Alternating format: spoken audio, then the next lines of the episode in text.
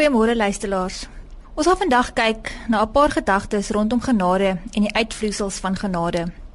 Ons het gesê in 1 Johannes 1:17 lees ons dat die genade en waarheid het deur Jesus gekom. Die manier waarop genade in ons lewe manifesteer, is dat ons begin verstaan van die waarheid van God.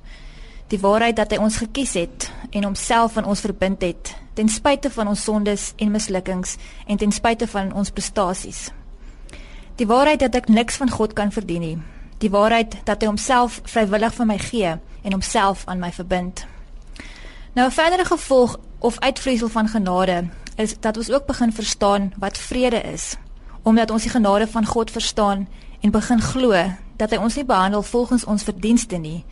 Daarom kan ons vrede hê, soos in Johannes 4 vers 14 vers 27 en kan ons weet dat ons sy guns het en dat hy van ons hou. Wanneer ons 'n krisis beleef, wil God vir ons meer van homself leer.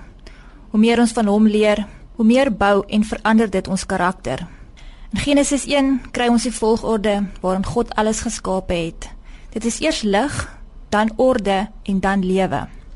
Alles in die lewe werk so. God gee vir ons duidelikheid en insig oor sekere sake. Dit is die lig en hierdie insig laat 'n klomp goed in ons lewe weer in orde kom. Hierdie goed val in plek en dit bring lewe en hoop en lewensvervulling.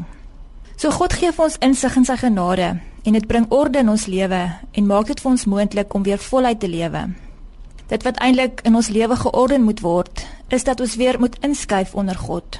Hoe meer ons hom leer ken, met ander woorde, hy wat die waarheid is, hoe makliker is dit vir ons om onder hom in te skuif en ook om onder hom te wil inskuif. Dit sal vir ons vrede bring en maak dat ons nie leef met 'n gesindheid van veg en vrees en vlug nie. Hy het ons geskep as sy verteenwoordigheid. Daarom vat hy ons veg en vrees en vlug weg en hy gee vir ons vrede. Vrede beteken ten diepste om heel te wees, om soos 'n heel mens te lewe. Kom ons vra in gebed dat ons weer hierdie vrede opnuut kan ervaar. Hemelse Vader, dankie dat ons na U toe kan kom en vir U kan vra om weer vir ons u vrede te gee.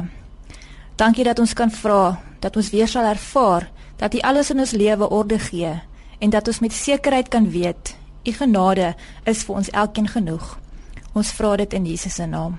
Amen.